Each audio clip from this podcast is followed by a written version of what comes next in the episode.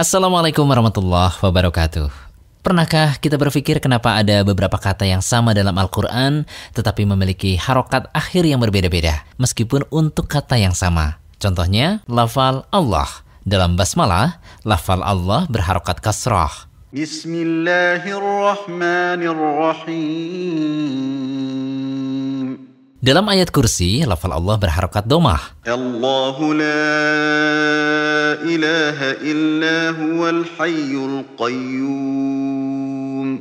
Dalam ayat lain, lafal Allah berharokat fathah.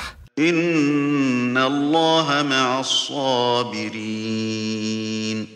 Perubahan harokat di atas tidaklah sembarangan. Terdapat kaidah yang mengatur perubahan harokat akhir kalimat tersebut. Kaidah ini dibahas dalam ilmu nahu. Apa itu nahu dan mengapa kita harus mempelajarinya? Karena ilmu nahu adalah salah satu cabang dari ilmu bahasa Arab yang membahas tentang bagaimana menyusun kalimat yang sesuai dengan kaidah bahasa Arab. Sebagai contoh kalimat, Doroba Zaidun Bakron. Artinya adalah, Zaid telah memukul Bakar. Akan tetapi, bila seperti ini, Doroba Bakrun Zaidan. Artinya akan menjadi, Bakar telah memukul Zaid. Selain ilmu nahu, ilmu penting yang wajib dipelajari untuk pemula adalah ilmu sorof. Kedua cabang ilmu ini wajib dipelajari oleh para pemula. Karena dengan kedua ilmu ini, kita dapat mengetahui dan memahami bagaimana cara membuat kalimat yang sesuai dengan kaidah bahasa Arab resmi.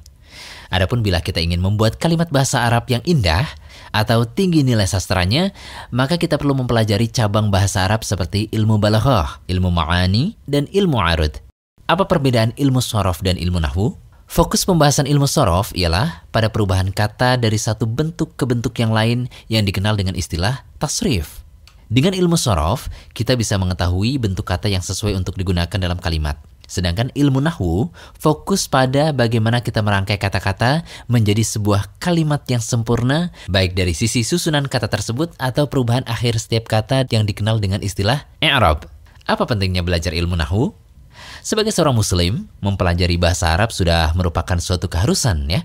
Bagaimana kita bisa memahami isi kandungan Al-Qur'an bila kita tidak memahami bahasanya? Bagaimana kita bisa menyelami lautan hikmah dalam hadis-hadis Rasulullah bila bahasa Arab saja tidak mengerti?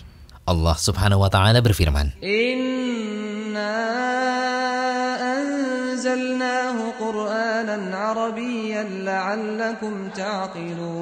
Sesungguhnya kami menurunkannya berupa Al-Quran dengan berbahasa Arab agar kamu memahaminya. Allah Subhanahu wa taala juga berfirman.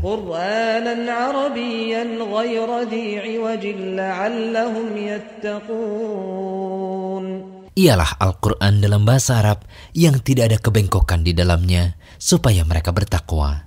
Dan Umar bin Khattab berkata, pelajarilah bahasa Arab karena bahasa Arab adalah bagian dari agama kalian. Kemudian Al-Imam Ash-Syafi'i berkata, orang yang menguasai ilmu nahwu, maka ia akan dimudahkan untuk memahami seluruh ilmu Islam. Oleh karena itu, marilah kita berdoa kepada Allah agar kita dimudahkan dalam mempelajari bahasa Arab dan bisa memahami agama kita dengan baik. Semoga bermanfaat.